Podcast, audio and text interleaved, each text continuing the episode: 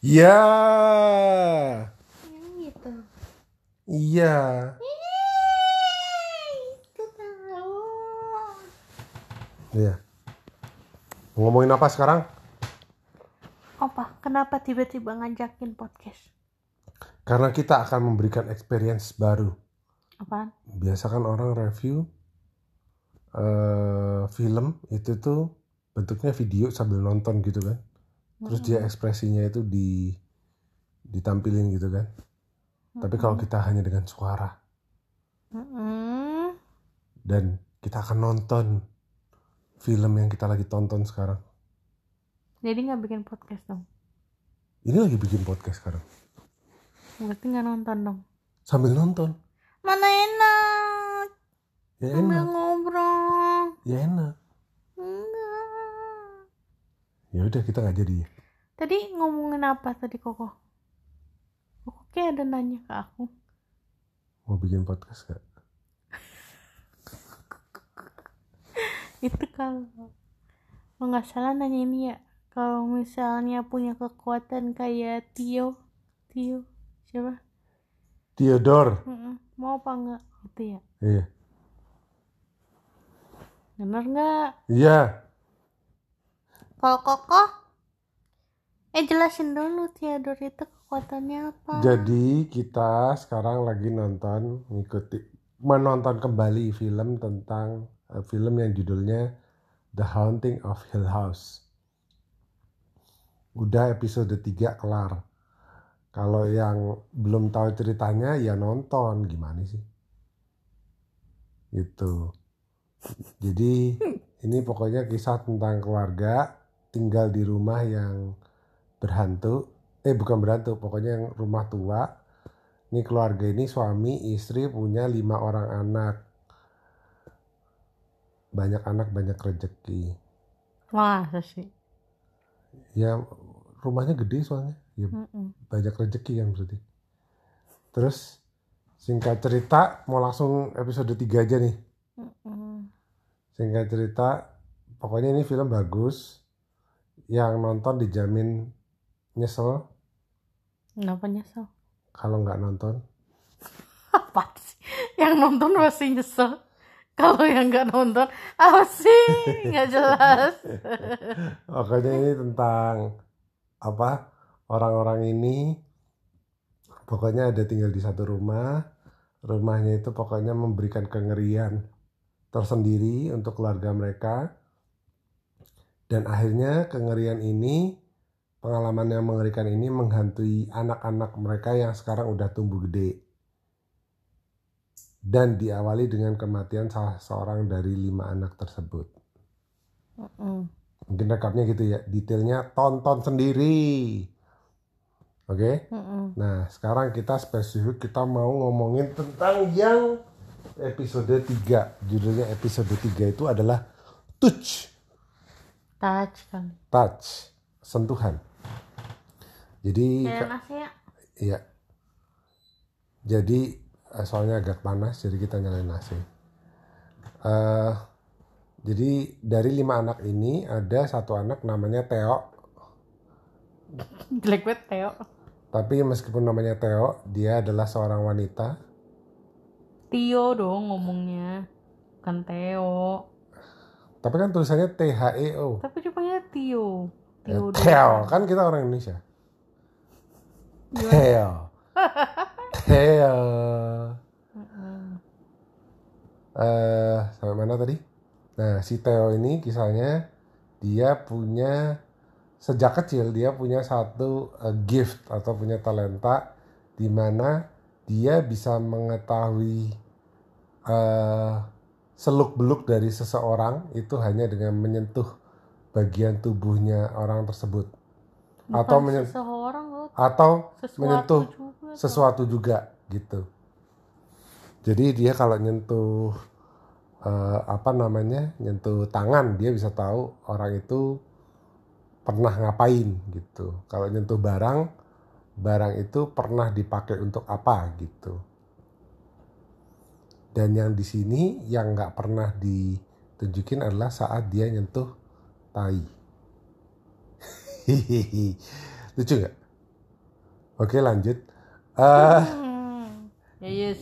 jadi jadi dia punya skill itu. Sekarang diskusinya adalah bukan kita nggak akan bahas film, tapi diskusinya adalah kalau kita kalau kamu mau nggak punya skill yang kayak gitu. Jadi kamu nyentuh cetuk ke satu orang.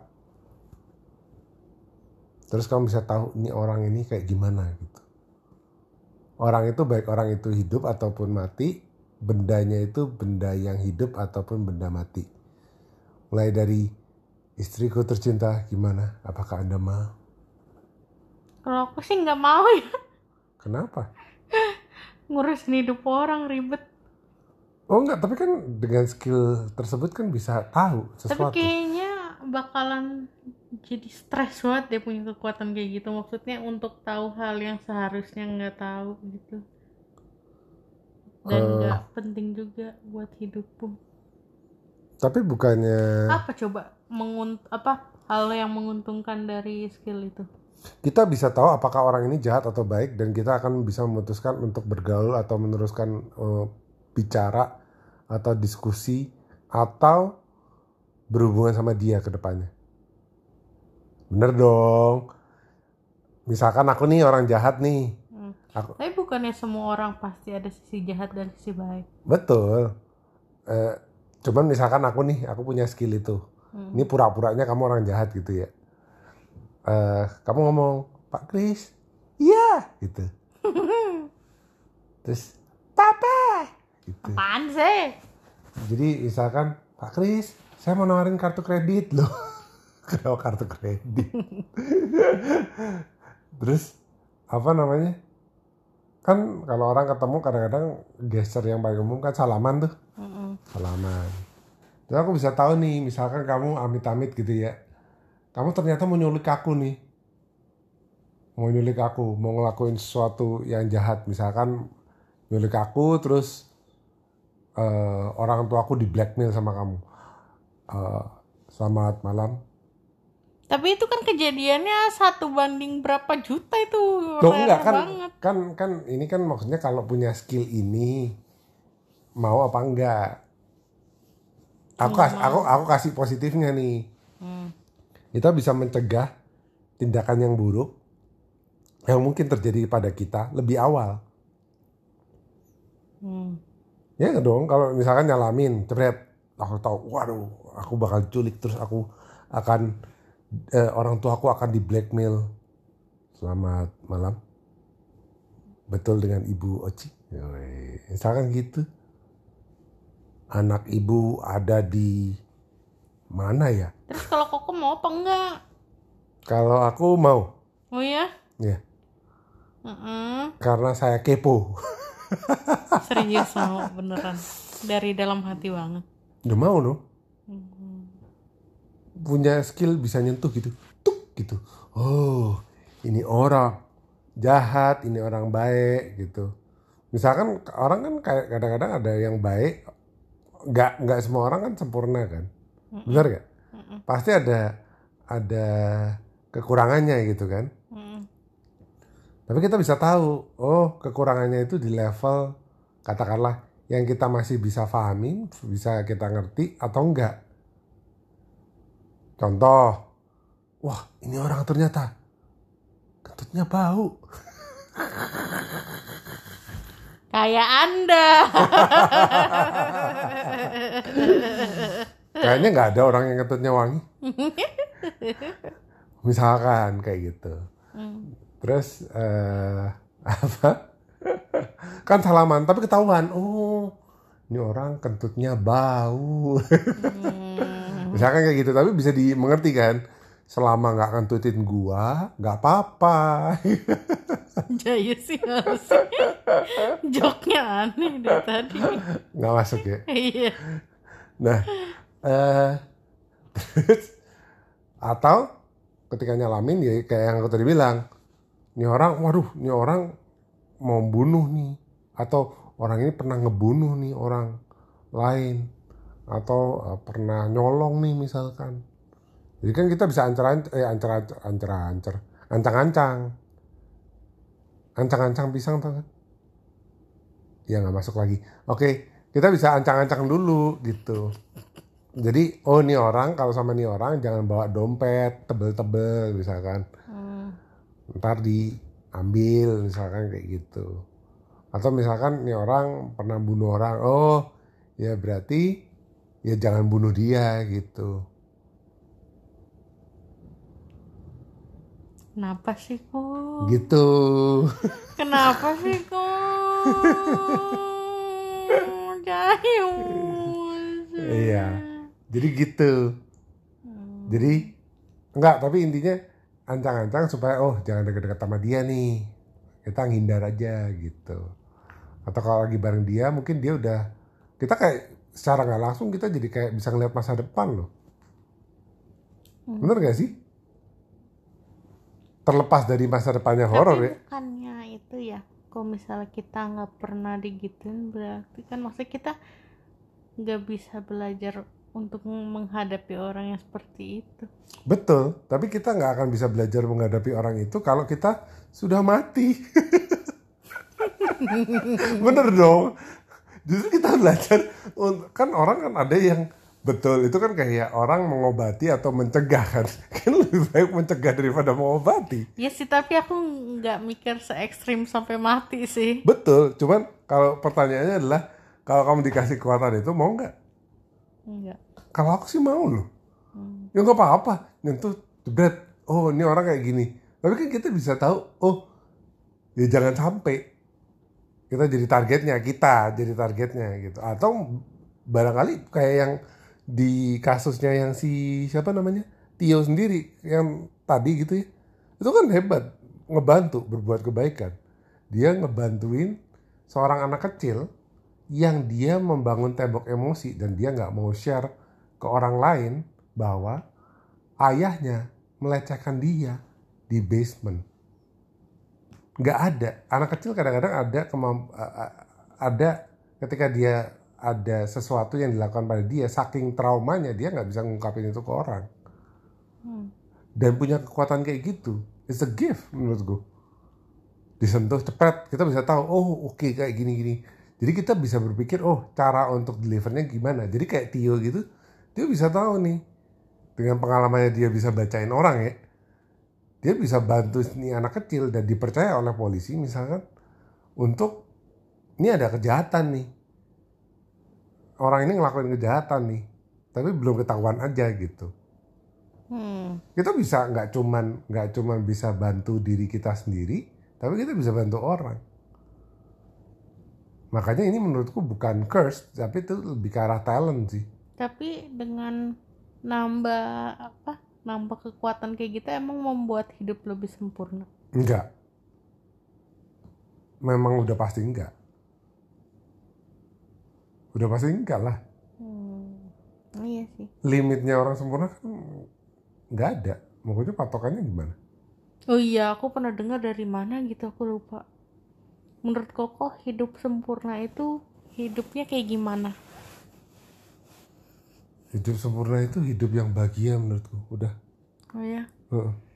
aku pernah dengar dari podcast atau dari mana, aku nggak tahu. Ada pemikiran orang itu mikirnya gini, dia tuh mikirnya hidup sempurna itu hidup yang seimbang. Jadi nggak cuman yang bahagianya aja, tapi yang sedih-sedih dan pahit-pahitnya nyampur itu jadi hidup yang sempurna. Hmm, bisa. Kan maksudnya cara cara orang kan beda-beda. Maksudnya nyikapi kan namanya juga sempurna. Mm-mm. kalau yang itu tadi hidup yang eh, termnya beda sih. Hidup yang seimbang. Sempurna. bukan sempurna. Loh bener dong. Hidup yang sempurna. Sekarang kalau ditanya orang mau Kalau Koko sekarang hid- merasa hidupnya sempurna apa enggak? enggak sih Belum sempurna. sempurna sempurnanya maksudnya sempurna maksudnya dalam kebahagiaannya itu. oh, kalau kebahagiaan iya Berarti kan tapi kan di balik kebahagiaan Koko berarti ya ada masa-masa Koko marah, kesel, sedih dan lain-lain. oh dong. iya iya iya tapi Berarti dia bener dong. Eh, enggak juga Apaan sih? pokoknya saya nggak mau ngalah. Karena karena bye bye bye bye bye bye bye. Karena hidup sempurna kan memang proses ya. Pokoknya nggak akan pernah ada finalnya. Pokoknya gimana sih? Apaan sih kok? it's a journey sih. Pokoknya Maksudnya, maksudnya? Ya ya ya perjalanan nanti. Maksudnya perjalanan ini enggak Terasa terasa sangat menyakitkan Ya, oke Eh, ya boleh lah biar bener lah apaan sih? Iya deh boleh dah. Nanti ka- daripada nggak suka nggak disukain sama yang podcast sebelahnya yang ngomong kayak gitu kan. Aku lupa siapa yang ngomong, tapi ada yang ngomong gitu. Eh. sempurna itu maksudnya bukan cuman semuanya bahagia, tapi sempurna itu semuanya seimbang, makanya dibilangnya sempurna. Empat sehat, lima sempurna, kan seimbang. Tapi apakah lima angka terakhir? Iya sih, cuma kan itu penggambarannya. Bisa juga Pelengkapnya itu jadi sempurna. enam lebih baik. Tujuh, wow. Bisa jadi kayak gitu. Oke kita lupakan karena diskusinya sudah mulai mengarah ke eh, pertengkaran. Udah aja. Dah, mau lanjut nonton. Ya udah, saya mau lanjut nonton, Oci mau lanjut nonton, kita mau lanjut nonton. Jadi, Jadi cuman berapa menit tuh ya podcast yang singkat? ya Tujuh, 16.45 panjang lah. Ya lumayan deh ya, yaudah ya, dadah. Dede.